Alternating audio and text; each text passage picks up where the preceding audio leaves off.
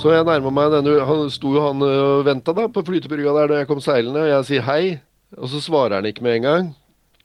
Og så venter han til jeg kommer enda litt nærmere, og så sier han Hvor i helvete er det du kommer fra? Nå er det alvor. Hallo, this is another one. Another one, baby. Welcome to Now Is It Alvor with Hans Christian and friends. We're going to be the best podcast that you ever did hear. We're going to thrill you. We're going to teach you. We're going to entertain you. Like Britney Spears once said, there are those of us who observe and those of us who are here to entertain. And we're here to entertain you, bitch.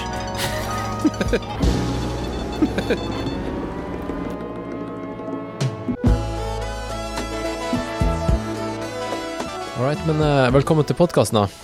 Jo, takk. Det her er Det her er spennende, fordi jeg vet egentlig veldig lite om deg. Jeg vet ikke om du har hørt så veldig mye på podkasten min, eller? Nei, vet du hva, det har jeg ikke rukket. Jeg, jeg ble jo liksom uh,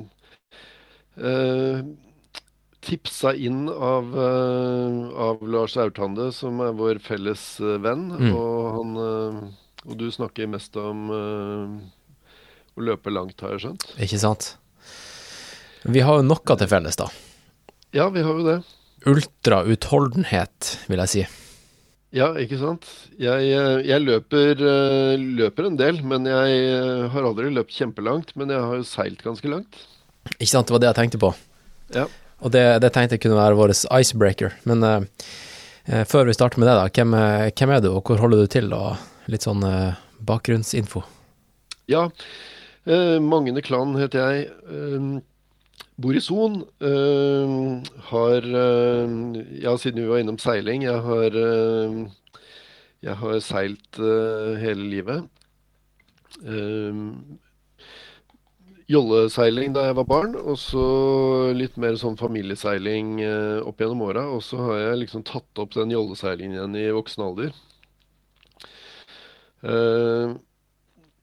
Så eh, ja, jeg er utdannet eh, fotograf. Eh, det er derfor jeg kjenner Lars. Han er illustratør, og vi gikk sammen på skole i England Ikke sant? i tre år, fra 95 til 98. Så det Begynner å bli en stund siden. det begynner å bli en stund siden. ja. Nå jobber jeg da Jeg, jeg jobba en stund som fotograf med reklame og diverse oppdrag. Da er det gjerne sånn at du Ja, det er, det er omtrent like vanskelig å få jobb som fotograf som for alle andre. Men eh, fotografer har gjerne jobb i én dag, mens alle andre har en fast jobb. Mm. Eh, Så det var mye, mye jobbing med å få oppdrag. Så drifta jeg liksom over i forlagsverden og, og bøker, som var litt mer Istedenfor å ha endagsprosjekt, så har du et ettårsprosjekt. Det passa meg egentlig mye bedre. Så, så siden eh, når, når det var litt ut på 2000-tallet, så har jeg jobba mest med bøker. Eh, først med eh, for eh, forlag, og så fant jeg ut at jeg klarer meg egentlig ganske fint uten, eh, uten andre forlag. Eh, Så da ble jeg min egen forlegger, og så har jeg eh, vært litt forlegger for andre eh, etter hvert. Hvordan blir man sin egen forlegger, egentlig? Hvordan kan man bare Ja, gi ut ei bok? Det er egentlig ganske lett, eller både lett og vanskelig på en gang. Formelt så er det ganske lett. Det er bare å si at du har et forlag, og så har du et forlag. Ok. Og så eh, må man jo da eh, gjøre det forlaget gjør, nemlig å ha distribusjonskanaler og markedsføringskanaler og sånn inn mot uh, der hvor det selges bøker.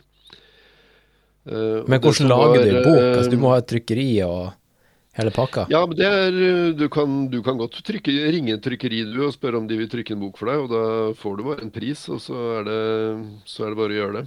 Så jeg kan bare ringe Du og si at jo- jeg, jeg kommer fra Noe Dalvor forlag. Jeg skal gi ut ei bok. Ja, da, eh, da får du eh, altså for, for å kunne ringe et forlag og få dem til å trykke det, så må du jo ha, så må du ha layout. Og Ja. hvis det er bilder, så må du liksom sørge for at de er trykkbare, og du må på en måte gjøre en, gjøre en jobb med det. Eh, men det er eh, Ja, når, du er fotograf, så hjelper det litt, da. Eh, da. Da har du liksom Jeg hadde en del basiskunnskap om det. Så, så var det jo sånn at de guidebøkene jeg lagde, de, de solgte sånn Omtrent halvparten av dem Det, var, det begynte med Havneboka, som er guidebok for, for hvor man kan legge til med båt langs kysten. Eh, Da selger sånn halvparten av dem omtrent i bokhandel, og den andre halvparten ute i båtutstyrbutikker og sånn. Mm. Og den eh, jobben med å, å reise rundt til båtutstyrbutikkene, den gjorde jeg uansett selv. Eh, og den andre, og det er litt, det er litt arbeidskrevende. Da må du liksom ja, I hvert fall første turen så må man kjøre rundt med noen bøker og, og spørre om eh, de vil selge dem, rett og slett. Gjøre en deal, og så får de en prosent. og Det, er litt sånn business. Så den eh, høstlinga der, den, den må du gjøre sjøl når du ikke har et forlag i, i ryggen, sant? Sånn? Den høstlinga der. Den, Ja, ja. ja. Um, men den gjorde jeg jo selv eh, når jeg ikke hadde et forlag. Når jeg da var innunder de store forlagene, så gjorde ikke de den jobben ute mot båtutstyrbutikkene. Så de, de hadde jo da systemer til bokhandlene. Eh, Men eh, jeg fant ut at jeg kunne godt også få et system til bokhandlene, og det, det var veldig mye mindre arbeidskrevende. Der går ting litt av seg selv.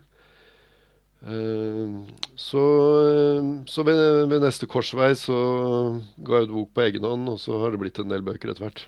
Og eh, bøker, da? Hva du har skrevet om og tatt bilde av?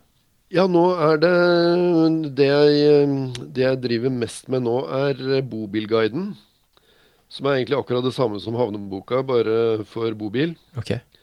Så jeg har gitt ut tre, eh, tre bøker i eh, den serien som dekker hele Norge.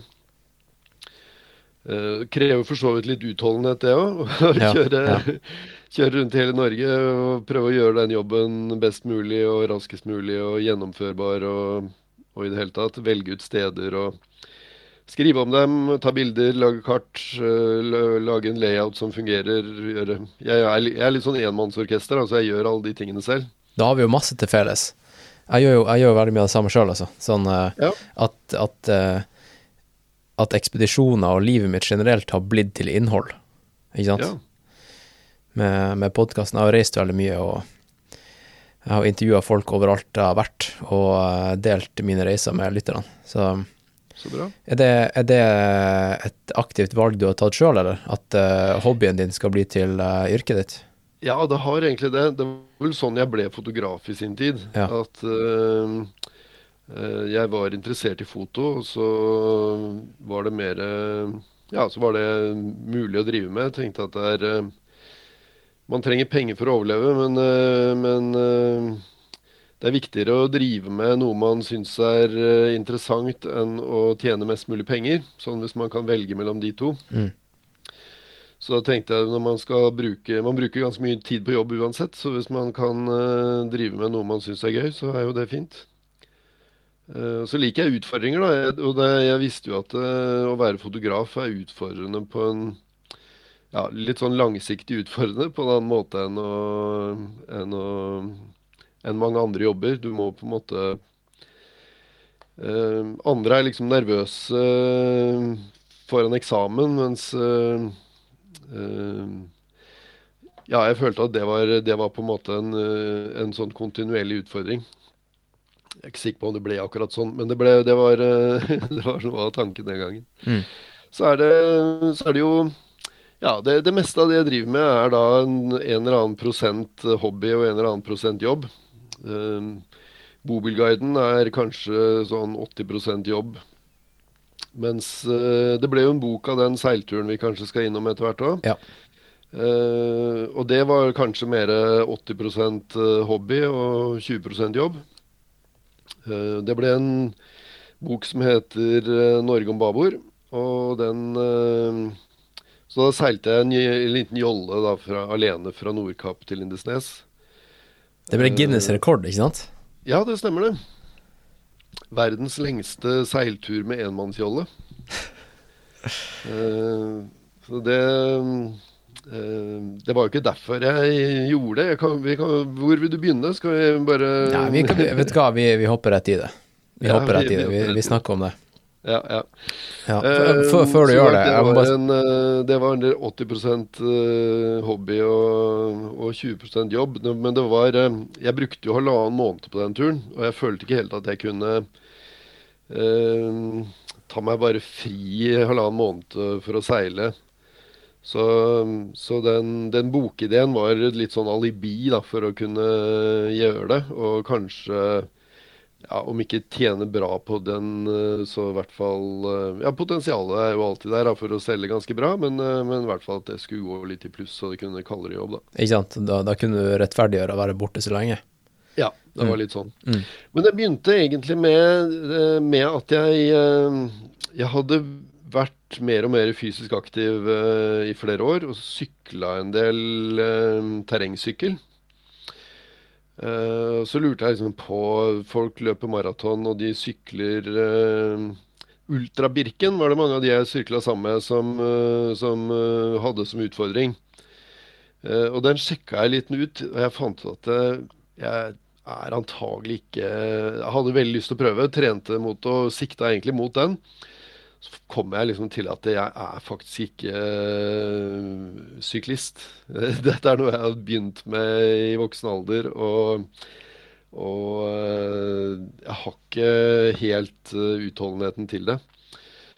Og det er et min minstekrav på altså, Eller makstid, da. Må, jeg hadde nok kommet meg gjennom hvis jeg kunne bruke så lang tid jeg ville, men det er jo en makstid.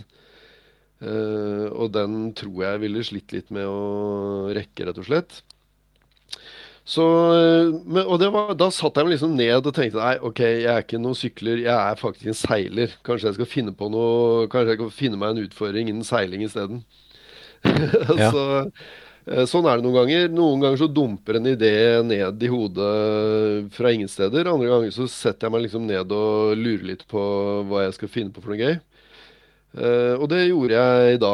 Så tenkte jeg hm, jeg har hatt eh, veldig lyst til å seile Nordkapp-Lindesnes. eh, for det er, en, det er en sånn distanserekord med store båter. Så tenkte jeg jeg har jo ikke noe båt som er rask nok til å sette den distanserekorden, men uh, kanskje jeg kan få tak i en båt? Eller ja, tenkte jeg meg litt om. Hva slags båter har jeg nå tilgjengelig? Jeg har en familiebåt, den funker ikke. Jeg har en laser, og den Vent litt nå. jeg har jo for faen en laser. den, det kan jo bli en helt annen greie. Laser er en enmannsjolle, da. Ja. Hvor, hvor mange Eh, fot, og da eh, hvor mange fot liksom, er da var liksom turen eh, veldig spikra i mitt hode helt umiddelbart. Da var det sånn Shit, dette blir jo en villmarkstur langs kysten mer enn eh, mer enn en rekordseilas. Dette blir jo, dette blir jo bare morsommere og morsommere i, oppi mitt hode. Eh, ha med minst mulig bagasje og gå i land på øde sandstrender, gjerne ut på øyer hvor det ikke bor noen. og og liksom eh, leve et litt sånn eh, eh, Hva skal man si? Sånn eh, Nomadeliv?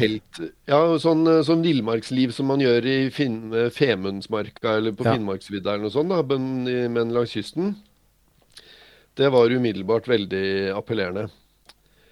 Eh, og så tenkte jeg litt på eh, jeg, hadde, jeg har ikke seilt mye langs norskekysten i det hele tatt før det. Eller jeg har seilt langs uh, Skagerrakkysten, men ikke så mye på Vestlandet og nordover.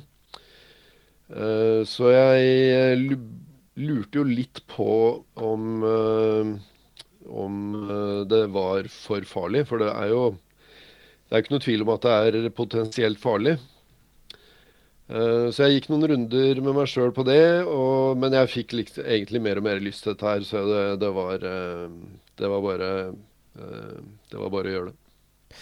Hva er de potensielle farene, da?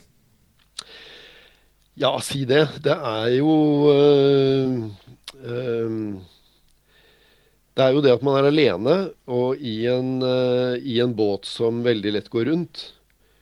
Og det å, men det å gå rundt med en båt som Det blir litt som et seilbrett. da. Du, det er jo ikke farlig å dette i vannet med seilbrett. Du bare klatrer opp på seilbrett og heiser seilet og, og seiler videre. Eh, Men enkelte ganger så skjer det jo noe da, når du går rundt. Du, du kan Eller altså du kan få noe i huet, du kan eh, ødelegge noe utstyr eh, som gjør at ikke du så lett kommer til land. Eh, jeg har, jeg har seilt mye, da, og jeg, jeg er ikke redd for å Jeg var ute og seilte i går i Moss. Uh, nå er vi jo Slutten av januar. Til sommeren så kan vi fortelle at vi er i, i midten av januar, og det er, det er jo potensielt farlig å seile der også. Ja. Uh, når det er kaldt i vannet.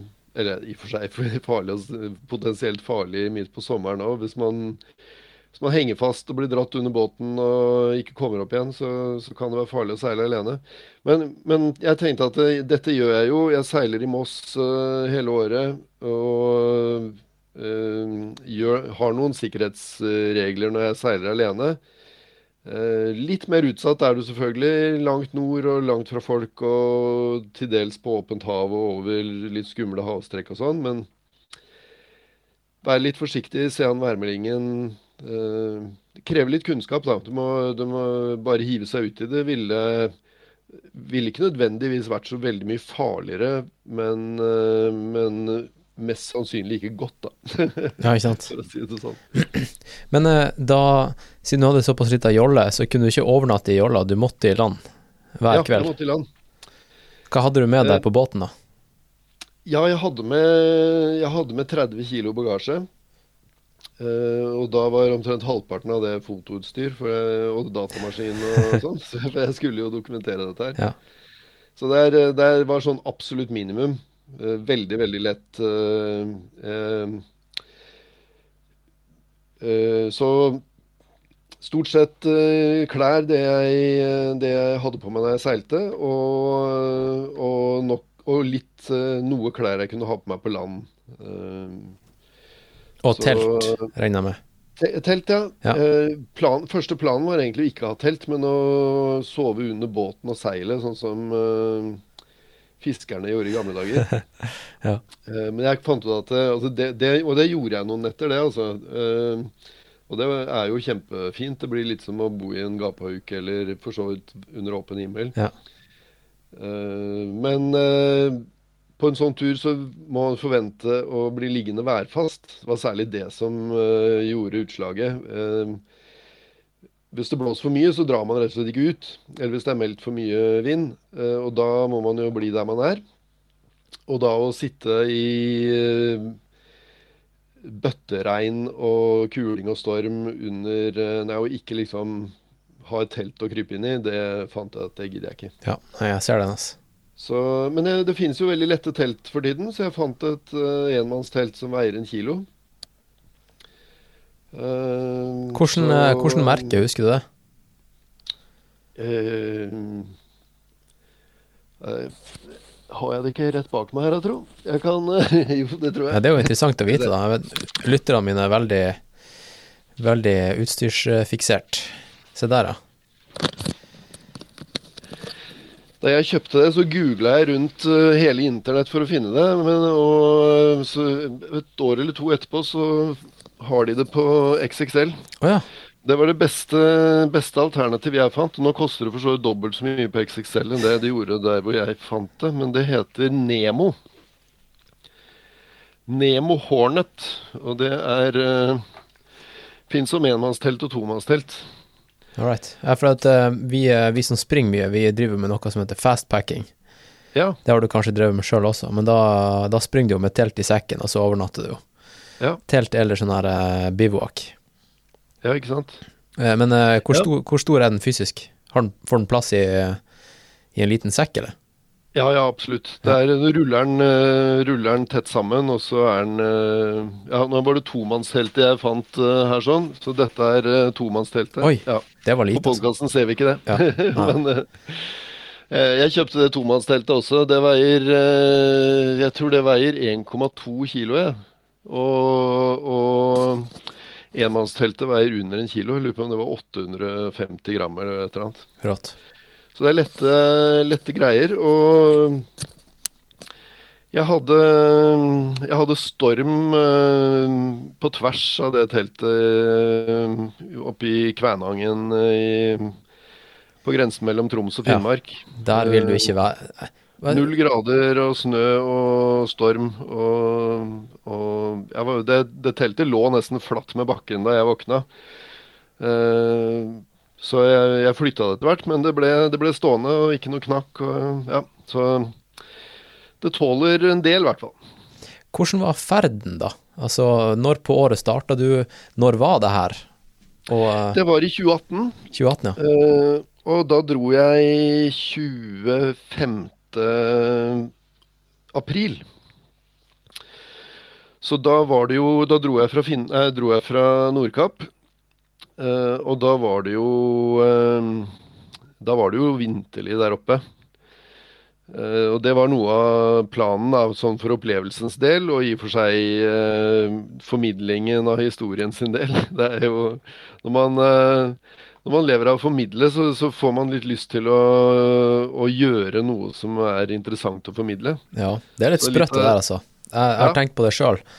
Ofte, ofte, siden vi begge har det til felles at det vi gjør, blir ofte innhold, Ja. så kan det noen ganger bli sånn at man, man, tar, man, man drar det litt for langt. Eller man ser hvor langt man kan tøye det strikket, da. For å skape en fet story, eller Du skjønner hva jeg mener?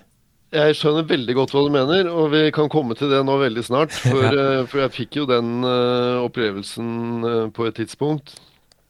Veldig tidlig tidspunkt, egentlig. Eh, Men tanken var jo da at eh, det er morsommere å seile fra vinter gjennom våren og til sommer enn, enn å følge våren nordover. Mm. Det, det, det passa best å seile på våren. Og, eh, og da er det Da vil det jo være vinter Altså seiler nordover. Så jeg har, jeg har dratt nordover langs kysten med motorbåt en gang. Da dro vi 12. mai. Eh, Og da var det egentlig sånn det, Vi brukte en snau måned, og det føltes egentlig som vi var i den samme årstiden hele tiden. Ja. Og når du drar motsatt vei, så, så blir det jo motsatt. da, Så får du tre årstider istedenfor én. Ikke sant? Så det, og det var en kjempeopplevelse. Altså, Totalopplevelsen av hele turen var jo bare helt magisk. Eh, og sånn tror jeg det er litt når du, når du pusher deg sjøl litt lenger enn du er komfortabel med, eller helt til grensen i hvert fall, så, så blir jo opplevelsene veldig, veldig sterke. Uh, men jeg kan jo hoppe rett i det. Den var egentlig den første dagen som var den aller eh, mest utfordrende, og kanskje ja, Som da er den, eh, den beste og den verste dagen jeg kan huske å ha opplevd Ja. på en gang. Du starta med worst case.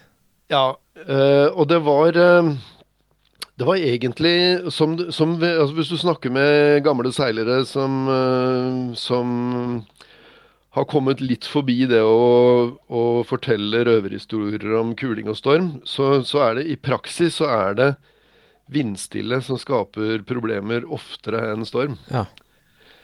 Uh, og sånn var det her. Men, men det begynte egentlig før det, da. Det begynte liksom uh, i bilen nordover over Finnmarksvidda og sånn. Eh, da var det grått, og det var meldt kuling, og det var uh, mer og mer snø. Altså, jo, snøen lå jo overalt over Finnmarksvidda, og når jeg kommer utover mot Alta og sånn, så ser jeg at snøen ligger jo ned til vannet også. Og det er klippekyst med altså, tåke og grått, og jeg ser det er ingen farger, det er bare svart fjell og hvitt eh, og hvit snø. Og litt sånn smålurvete utover havet. Og det er sånn surt og jævlig. Eh, bare å gå ut av bilen og pisse er liksom eh, Ja, det er, det er sånn som det er da når det er tåke, veldig fuktig luft og null grader. Ja, det ja. er litt dritt, rett og slett. Ja. Eh, og der skal jeg da eh, sette ut båten og seile sørover, liksom. Så jeg begynte å lure på Shit, hva er det egentlig jeg har eh, gitt meg ut på nå? Så hadde jeg avtalt med en kar uh, i uh, Man får ikke så Ute på Nordkapp så er det jo en 200 meter høy klippe og ingen vei ned til vannet, så jeg satte ut båten i Skarsvåg uh, et par kilometer lenger sør og på østsiden. Jeg hadde avtalt med en kar der at jeg kunne eh, sette bilen hos han. Eh, og så hjalp han meg av med båten og litt sånn, og prata litt med han. Han var en gammel fisker, hadde akkurat vært utpå. Og eh, han, han var litt sånn med alvors eh, Spurte om jeg visste hva jeg drev med. Han, han skjønte jeg hadde seilt før, men eh, men han måtte jo fortelle da, at han hadde hjulpet en, han hadde hjulpet en annen kar ut for noen år siden med en robåt. Og han, han fant de nord for Knivskjellodden en uke etterpå eller noe sånt. Han hadde, han hadde ikke overlevd den første dagen. Han, han, eh, han strøyk med? Han som rodde, ja. Han Ja. strøyk med. Ja. Så, så han ville liksom fortelle meg at det, det er greit å være tøff, men det, det, er, eh, det er farlig, dette her. Ja. Uh, ja, det er jo sånn jeg, jeg hadde hørt om den historien, så jeg visste om det. Men det er litt spesielt å snakke med han som uh, var med å sette ut båten til han fyren. Er den samme som hjelper meg å sette ut båten min. Ja. Eh, ja, så det, det, ble, det ble litt sånn eh, Jeg kom meg ikke av gårde da jeg skulle, for å si det sånn. Det drøyde til eh, midt utpå dagen. Uh, da var det vindstille, så det tok litt lengre tid enn planen var. Og oppi der så er det Det er ganske langt mellom hvert sted det er mulig å dra i land båten. Uh, så jeg hadde sett meg ut en eh, Jeg hadde sett meg ut uh, hjelm... Skal vi se Hjelmsøya var det jeg skulle til. Uh, Det er eh, Det ville være 25 nautiske mil. Det, ja, jeg klarer liksom ikke å regne noe annet enn nautiske mil ja, når jeg er på sjøen, men ca. 4,5 mil, da. Ok. Hvor lang er én Eh, nautisk så- mil, da? Ja, 4,5 mil ca. i landmil, ja. Ja, okay. 45 km. Ja. så, og, og en sånn normal dag da, med, med greit med vind og åtte timers seiling, så, jeg, så hadde jeg liksom regna at et snitt på 30 nautisk om dagen, eller 5-6 mil, ville være realistisk. Så jeg tenkte det, det bør gå. Men eh, når du begynner dagen med tre timer vindstille, så, så, går det, så går det ganske sakte, da. Da går det i Jeg trøster gjerne meg sjøl med at det går fortere enn å gå eh, når det gikk som saktest. Ja. Men det gikk nok saktere enn å løpe, så, så det går jo sakte når det går sakte. Ja. Uh, så greia var Altså uh, ja, for ta, for ta, Siden jeg begynte med utfordringen, så får jeg fortelle den fine historien med det etterpå. Ja. I hvert fall Jeg ble jo sliten. kom meg av gårde og så kom etter hvert i nærheten av Hjelmsøya. Så var det den nærmeste stranda jeg hadde tenkt å dra i land på. Der, var det, der så jeg at det var for mye bølger inn mot stranda, så jeg turte ikke gå i land der. Så seilte, skulle jeg seile rundt øya isteden. Det var eh, Ja, med den farta jeg hadde, så var det en time. Eh, Men så, eh, på vei rundt øya der, så ble vinden borte igjen. Og da var jeg ordentlig, ordentlig sliten. Både sånn mentalt og fysisk. Eh, og det var jo det fysiske jeg liksom kjente, men det mentale hadde nok da sittet i fra, fra, helt fra bilen over Finnmarksvidda. Ja. Uh, så jeg var ordentlig kjørt ut, og så gikk saktere og saktere. Ok, to timer, ok, fire timer, og så plutselig gikk det nesten ikke forover, for jeg hadde en halv, strøm, en halv knop strøm imot også. Og, og du, det, det, det er vel litt sånn midnattssolaktig lys? Ja, ja, og det var grått, så det var ikke så mye midnattssol heller. Det Nei, men det, det ble ikke men, mørkt i hvert fall. Ja, det begynte å mørkne, men det ville ikke bli helt mørkt. Nei, sant. Så jeg trengte ikke være så redd for mørket, men, eh, men klokka var i og for seg 11 om kvelden, da. Ja, ikke sant.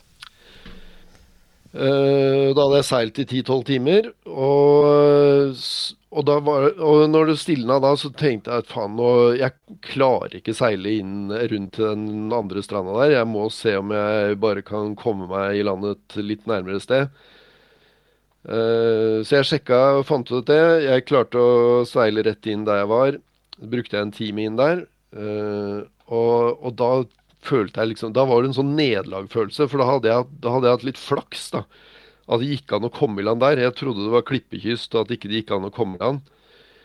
Uh, så da var det sånn ordentlig, ordentlig dårlig følelse. Redda av gongongen, liksom. Uh, uh, ja. Flaks at det gikk. Ja, var det litt sånn nederlag også for at du følte kanskje at du hadde gått litt for naivt i det? Og sett for Ja, deg godværsdager, og så bare Ja, det var litt det. Ja. Eh, ja, rett og slett. En, en følelse av å, å ha gapt over for mye, rett og slett. Ja. Dette er jo faktisk uh, tøffere enn jeg trodde. Og Hvorfor, hvorfor skjønte jeg ikke det, liksom? Hvor dum går det an å bli? Mm. Eh, så den følelsen satt jeg med den timen inn eh, mot land. Da, satt, da pirka jeg meg framover. Det var vindstille, og jeg satt og vrikka med roret i en halv knop for å komme inn mot land der. Da skjønte jeg liksom at ok, dette går greit, men jeg føler meg dritt. Eh, og så kom jeg inn Kom jeg inn i den bukta der. Der var det også noen hus. da Jeg skulle jo ikke til hus, jeg skulle til øde sandstrender og leve, leve villmarksliv, ikke Ja. sant.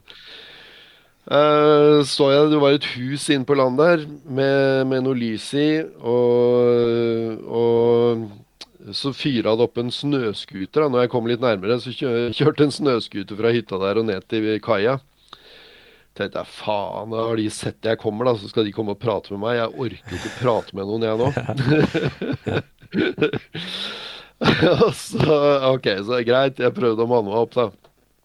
Til å være Til å møte de innfødte på en hyggelig måte. Eh, så jeg nærma meg denne Han sto jo han og venta da på flytebrygga der da jeg kom seilende, og jeg sier hei. Og så svarer han ikke med en gang. Og så venter han til jeg kommer enda litt nærmere, og så sier han Hvor i helvete er det du kommer fra? det var liksom før han sa hei. Så da hadde de sittet oppi var en, eh, Han var ikke klinkende edru heller, da. Det var fire kompiser som hadde sittet oppi hytta der, og de trodde det var et seilbrett som kom inn. Og dette Ja, okay. er jo på dette er det jo en lenge, øy som liksom. ligger eh, litt vest for, eh, for Nordkapp, men veldig langt fra, veldig langt fra land. Ja. Så det er ikke så ofte det kommer folk dit i det hele tatt, og i hvert fall ikke i, tidlig på våren i, i, og midt på natta i, en, i noe som ligner på et seilbrett. Eh, Men de var, de var jo fantastisk hyggelige karer og inviterte meg opp i hytta der. Jeg hadde jo egentlig ikke lyst til det, men jeg klarte jo, jeg kunne, følte ikke jeg kunne si nei til det. Eh, Og når jeg først gjorde det, så var det selvfølgelig Det ga seg jo litt. Men, eh, men jeg sov ikke noe den natta, og jeg eh, var helt sikker Altså, hva slags nå hadde jeg, jeg hadde liksom gått ut til alle jeg kjente, og, og for så vidt blader og magasiner jeg jobba for, og VG og greier, at uh, dette skulle jeg gjøre, da. Så det var liksom Helvete, hva slags uh, skade eller sykdom kan jeg bløffe på meg nå? For Ja, å du, begynte å tenke sånn, ja. ja. Eh, så det var, ba, det var ordentlig sånn negativ spiral uh, i, når jeg skulle prøve å sove. Det var bare Gravde meg lenger og lenger ned i gjørma. Uh, og så eh, prøvde jeg å stå opp litt, ordne litt med noe utstyr og sjekke noen bilder og litt sånn. Og så, så var det én Det er rart med det, men, eh, men innimellom så kommer du liksom på et, en eller annen greie som, som eh, som plutselig snur alt helt om. Uh, og jeg kom, og, kom på Det var sånn Jeg begynte liksom å analysere litt. Da. Ok, Hvor synd er det egentlig på meg? Jeg ble, jeg ble, over, altså, ble overrumpla av vindstille. Eh, og så takler jeg ikke det. Det er jo folk som har eh, vært med på veldig mye verre ting enn meg der ute. Begynte jeg å tenke på Børge Ausland, og så og alene over Nordpolen og sånn. Ja. Og så tenkte jeg på en ting eh, Jeg leste eh, skrevet, en artikkel han hadde skrevet om eh, Nordpolen før, før jeg dro. Eh, at det er Veldig ofte så er det i, begynnelsen av en tur du får den typen store problemer. Ja. Eller du tror du har store problemer, for de sitter egentlig oppi huet ditt. Eh, Det, er, det var jo ikke sånn at det der var umulig å takle der og da, men det var jo noe med altså Jeg visste jo at turene har jo ikke egentlig begynt ennå, og så får jeg den type problemer. Åssen skal det gå videre da? Det er, det er det som skjer oppi huet. Og det hadde han en veldig bra, et veldig bra triks på, som jeg plutselig kom på. Okay. Og det var eh, at eh, du, tre du trenger ikke ta avgjørelsen nå. Hvis du skal eh, Hvis du er nødt til å bryte nå, da må du ta avgjørelsen nå. Hvis ikke du trenger det, da kan du bare utsette den. Ja, det er mulig jeg skal bryte, men ikke nå. Det er jo det beste, det beste tipset til alle ultraløpere, altså. Ja, jeg lurer Vi på det. har jo lyst til å bryte hele tida. I hvert fall Ja. eh, mange, mange av oss, da.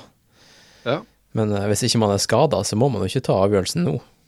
ikke sant? Så det var Og det snudde om eh, oppi huet mitt eh, fullstendig, og jeg sovna på et blunk. Det var liksom Det var som å skru, snu om en bryter fra fra minus 100 til pluss 100, liksom. Det, det, var, det var helt sprøtt. Men sånn er det, sånn er det antagelig når du er sliten nok og nedkjørt nok, så, så kan du føle deg skikkelig dritt, og du kan føle deg skikkelig bra.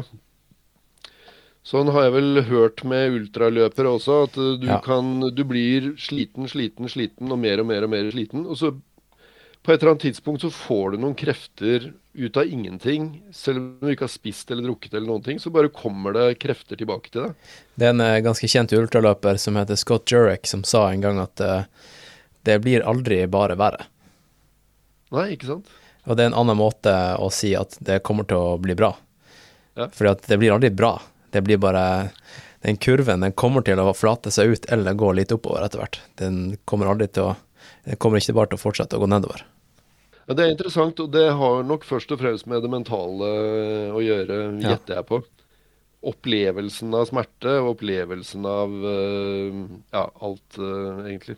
Men tror du at eh, det at eh, du fikk det slaget i trynet første dagen Altså, du fikk deg en liten reality check, men var det den kjipeste dagen egentlig? Altså, kom, hadde du flere kjipe dager som var av samme kaliber? Eh, både ja og nei. Jeg hadde nok Jeg hadde vært i definitivt tøffere dager fysisk. Fordi jeg seilte langt i mye, mye, mye verre Altså virkelig mye vind. Ja. Eh, og regn og dritt. Eh, så Så nei, det var, det var nok ikke det. Nei, sånn egentlig. Men i forhold til dagsformen, så var det nok det fordi jeg var eh, eh, Jeg hadde kommet litt seint av gårde og, og var liksom ikke 100% på plass eh, mentalt. Men derfra Jeg hadde aldri Aldri noe opplevelse av problemer etter det. Nei. Har du snakka med han gamle fiskeren etter at du gjorde deg ferdig med ekspedisjonen? Ja, Ja. Har du fortalt han om den første dagen? Ja, og de Nei, han, han Ja, jo, det, det har jeg faktisk. Ja, du har innrømt det. Han i Skarsvåg. Ja. Ja. Jeg var oppe og henta bilen, og da, da fortalte jeg om det. Han eh, eh, Han var egentlig bare Han syntes det var øh, Han var litt letta over at eh, jeg kom fram, og at jeg klarte det, for han øh, Så nå fulgte han i og for seg med på VG og sånn. Han skjønte jo at jeg kunne seile, og at jeg for så vidt visste hva jeg gjorde, men men han var, eh, han var ikke noe Han syntes ikke det var noe veldig gøy å sende meg av gårde. For han, eh, han sa det. Han, eh, han litt Hadde litt dårlig følelse på det, rett og slett. Så du, jeg, jeg, jeg googla deg litt i forkant her. Jeg så, jeg så den her VG Live-opplegget ditt. Ja. Er det bekjentskap som du har fått deg via liksom forlaget og alle årene som du jobba som fotograf? Har du gjort noe med VG, eller? Eh, jeg har gjort eh, Jeg har gjort flere jobber med VG, men dette her var eh, Det var mer erfaringen fra å selge seg inn som fotograf gjennom mange år som gjorde at jeg hadde en slags følelse av at dette kunne være interessant innhold for dem. For meg var det jo da interessant å å få litt publisitet i forkant av bok At jeg skulle lage en bok. Ja. Så jeg tok bare kontakt med dem og, og spurte om, eh, om de var interessert i å følge turen. Eh, så det var de. Det Fett. var hyggelig, det. For da, da ble det altså et type sånn interaktivt kart der du kunne se liksom hvor du, hvor du hadde seilt, og så når du posta noe, så ble det en sånn pin på GPS-en, Stemmer. ikke sant? Ja. Jeg skal legge en link i shownotes, så kan folk eh, gå inn og se. Ja, ja, gjør det. Eh, ja, det, og det, var, det fungerte fint. Det var en eh, Det var en eh, det var, det var en del Altså, veldig mange fulgte jo ikke veldig godt med. Det er, det er jo gjerne sånn man klikker inn på en film, og hvis ikke det er en- ja, ser man litt på action, og så, og så switcher man videre i livet sitt. Men noen, noen fulgte jo med og sjekka, sjekka hvordan det gikk. Og, og jeg fikk meldinger når jeg lå værfast, og folk spurte om det var noe i veien og sånn. Det er ikke Eh, Følte jo sånn sett at jeg ikke var alene, men at det var ganske mange mennesker som fulgte med. da. Det er ikke, det er ikke første gang du lager sakte-TV. Nei, det er sant, det. Er det inspirert fra ditt andre prosjekt, eller? Det her er Ja, det var det jo på en måte. Eh, Jeg lagde jo sakte-TV før det var noe som het sakte-TV. Eh, Det hørtes litt sånn eh, Det hørtes litt blærete ut. eh, Litt hipster. Men, ja. men det var i hvert fall Det var et prosjekt for lenge, lenge siden, mens jeg først fortsatt var litt sånn blanding av kunstner og kommersiell fotograf. Så det, det var også en idé som jeg ja, Jeg skal fortelle om ideen først. Det, er, det, er, det var fuglekasser med interiør. Så jeg tok bilder i Eller bygde fuglekasser, innreda dem med tapet og bilder på veggene og sånn. Satt, hang dem ut i skogen, og så tok jeg bilder av dem. Og så var tanken at det skulle være De skulle vise forskjellige identiteter. Og så skulle de henge ved siden av hverandre som bilder på veggen. Oh ja, okay. uh, Og så eh, kom det Ja, og den, den ideen den dukka også opp en gang hvor jeg liksom satt og tenkte på hva skal jeg Nå har jeg lyst til å gjøre en, e- et e- egotripp igjen. Hva, hva skal jeg gjøre? Hva er det som er Hva er det jeg kan Hva er det jeg kan som ikke alle andre kan? Uh, og jeg hadde, jeg hadde jo en, en litt sånn uh, ja, mye alternative kunstfotoreferanser oppi hodet. En av de tingene jeg hadde lyst til å gjøre, det var å ta bilder eh, Jeg drar på Blindern eller et eller annet sted, og så ta bilder av folk i, som bor i klin like studenthybler. Eh, og, så, og så får du en litt sånn sosialantropologisk studie av eh, mennesker og interiører som, som kanskje er litt morsom, da, hvis, hvis rammene rundt, altså rommet, er tilsynelatende er liksom eh, ja, Hvis du har 30 bilder da, hvor, eh, hvor, eh, hvor du ser at de bor i det samme rommet egentlig alle sammen, de bare har gjort det litt forskjellig, og så ser de litt forskjellig ut, Mm. og så kan det bli en litt sånn interessant greie, da. Eh, og så slo det meg at eh, sånne Da, da ser de jo nærmest Da bor de jo nærmest i fuglekasser, for de er Og så Da kom det sånn derre lyspære over hodet mitt, da. Vent litt nå, fuglekasser, ja. For jeg, jeg er jo i tillegg til seiler, så er jeg også fuglekikker, så jeg har, uh, har litt greie på fugler som ikke alle andre har. Uh, og da, da fremsto det som eh, min uh, unfair advantage, at jeg kunne, jeg kunne koble sammen disse to ideene. Rått. Og det ble da en Ja, det ble en lang historie, dette her òg, men jeg nei, nei, på. eh, eh, Da jeg skulle stille ut disse bildene etter tre år eh, med bygging av fuglekasser og bilder eh, ute i skogen mens eh, fuglene mater ungene, så, eh, så ble det til at den utstillingen var på Bogstad gård. Det var ikke sånn veldig nøye planlagt, det var bare sånn det ble. Men uh, når jeg skulle rigge opp utstillingen der, så slo det meg at uh, det hadde jo vært litt kult med en uh, Eller det har i hvert fall vært mulig å hatt en fuglekasse utafor vinduet på galleriet. Og så ha en monitor inne i galleriet hvor du kan følge med hva som skjer der Mm. ute nå. Mm. Eh, og så uh, Men jeg hadde ikke så mye greie på det der Jeg var jo stillsfotograf og hadde ikke så mye greie på video. Uh, og hadde ikke utstyr til det og ikke så mye penger. Så jeg tok kontakt med NRK, som da var Da var det en sånn Det som Ja, jeg vet ikke helt hva det tilsvarer nå. Det het U-punkt, som var NRK P3 og, og nettredaksjon. Ja, jeg husker det. Eh, Internett var jo litt nytt den gangen, vet du. Det var i, dette her var i 2003. Ja, det var såpass tidlig, ja. Ja. Ja. Uh, så eh, så de De tente umiddelbart på den ideen og ville gjerne være med på det. Så dealen var Dealen var at de stilte med utstyret, og jeg eh, beholdt rettighetene til innholdet. Eh, og så bytta vi ikke noe penger eh, i den sammenhengen. All right. Eh, Men da fikk jo jeg det innholdet jeg ville ha til min nettside og til galleriet og alt sånt. Og det ble Det funka som bare det. det var, og veldig hyggelige folk å jobbe med i NRK. flinke og entusiastiske. Og mye klatring opp og ned av det treet for å lirke litt på kontakter som ikke virka lenger, og i det hele tatt. Uh, opp på natta og bytte lyspærer i fuglekassa som plutselig var mørk, osv. Så, videre, og så, så det var mye, mye greier. Mye morsomt og mye litt surrealistisk og sprøtt.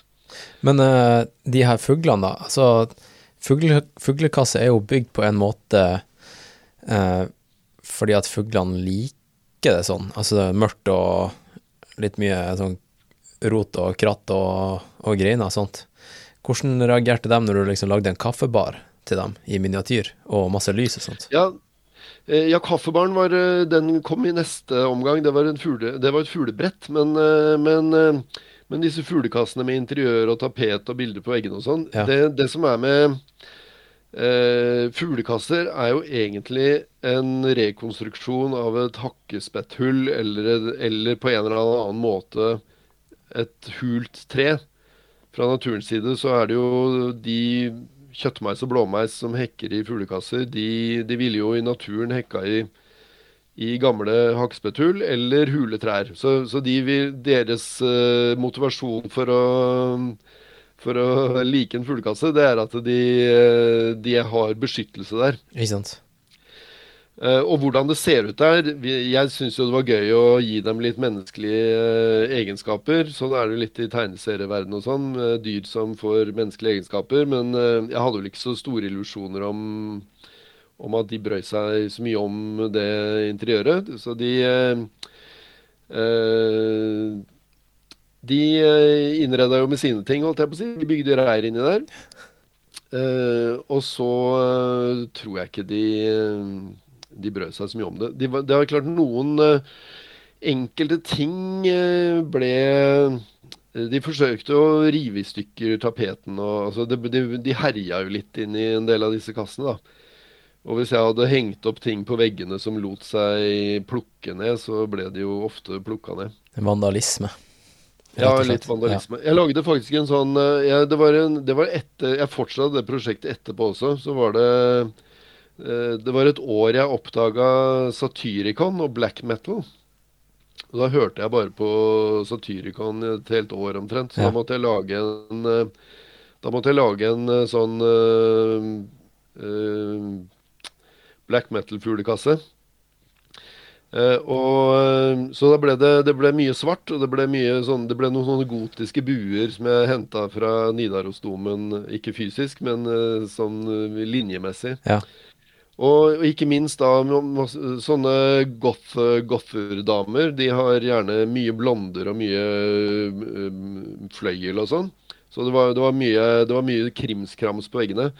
Det var også to, det var to sverd, og så, hadde jeg, og så hang jeg fikk jeg tak Jeg har mange sånne naturvenner, så jeg fikk, eh, fikk tak i en eh, død flaggermus som jeg eh, Som jeg rensa som jeg rensa for hva heter det, som jeg rensa for alt annet enn skjelettet. Så jeg hang opp et et ekte flaggermusskjelett mellom disse sverdene på veggen.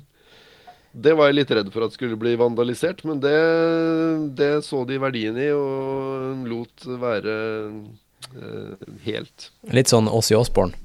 Litt Åssi Åsborn, ja. Kanskje du som var patient zero til, eh, til covid? Du starta covid der?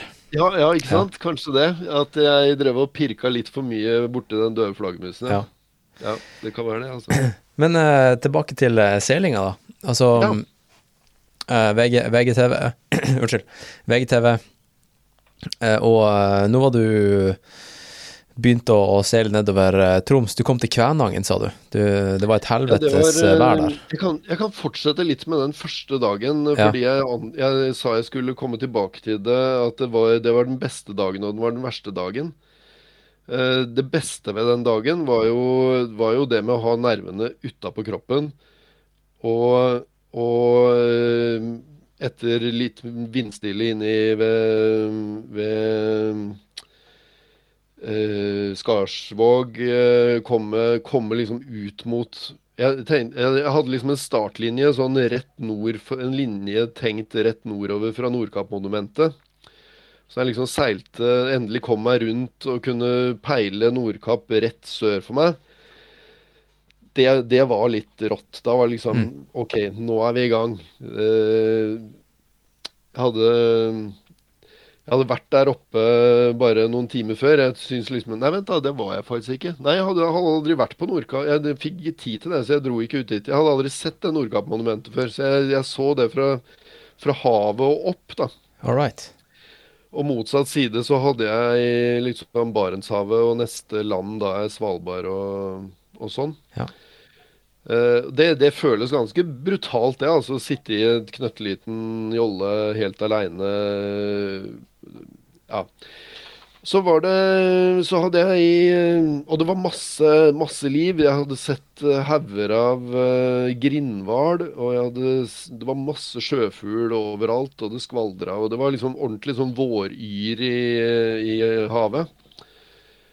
Eh, så jeg en sånn Etter en time etter jeg liksom hadde passert forbi der, så så jeg noe sånn hvalblåst langt ute i horisonten. Så jeg en sånn Donald-fontene eh, som blåste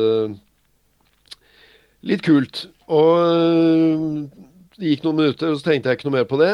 Og så plutselig så bare brøler det til eh, Føltes midt inni hodet mitt. Det var sånn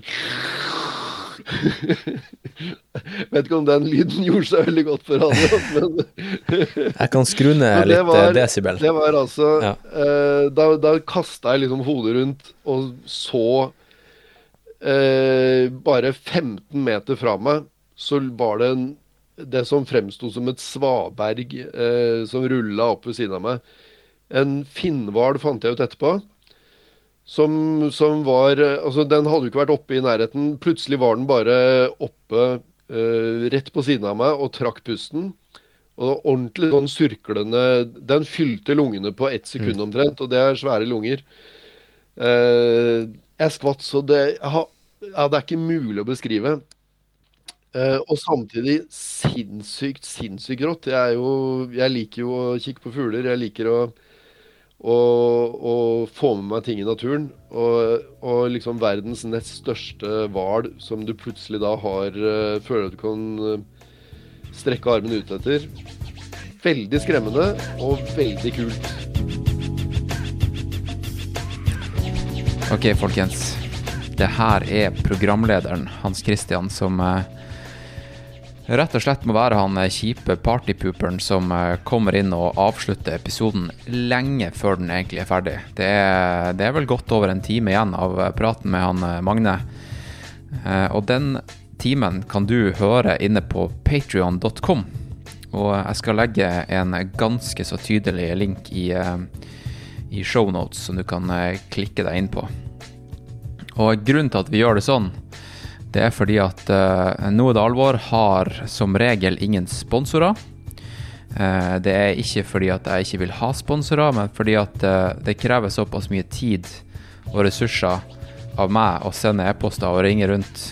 Som, altså Den tida der den vil jeg heller bruke på å lage en kickass-podkast. En kickass-podkast til lyttere som er gira på å lytte til podkasten, og det gjør de inne på Patrion. Så hvis du vil høre resten av denne episoden og titalls flere episoder, så kan du gå inn på patreon.com slash nedaproject.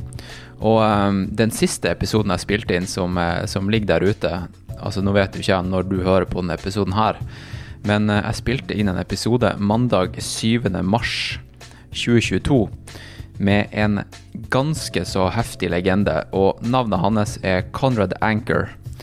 Vi snakka i 1 time og 23 minutter, og den praten den ligger helt uredigert og tilgjengelig ute på Patreon nå. So he had he'd learned to be an athlete, but he found like climbing was where he wanted to be and what he wanted to do, and that was, uh, and so he was uh, my mentor and helped me um, on the direction of being a climber, and then also. When he perished, he one of his life goals was to try to climb Meru, and then that, for me, being able to carry that through for him was pretty good. Så det er bare å, å klikke seg på Patreon, folkens. All right. Vi, eh, vi snakkes da, folkens. Vi snakkes.